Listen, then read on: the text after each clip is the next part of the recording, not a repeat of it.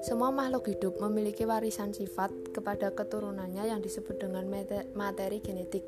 Materi genetik tersebut memegang peranan sangat penting dalam proses pewarisan sifat, seperti warna kulit, bentuk rambut, bentuk hidung, dan beberapa jenis penyakit lainnya.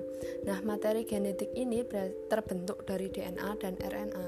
Itu penjelasan saya tentang uh, video ruang guru tersebut. Terima kasih.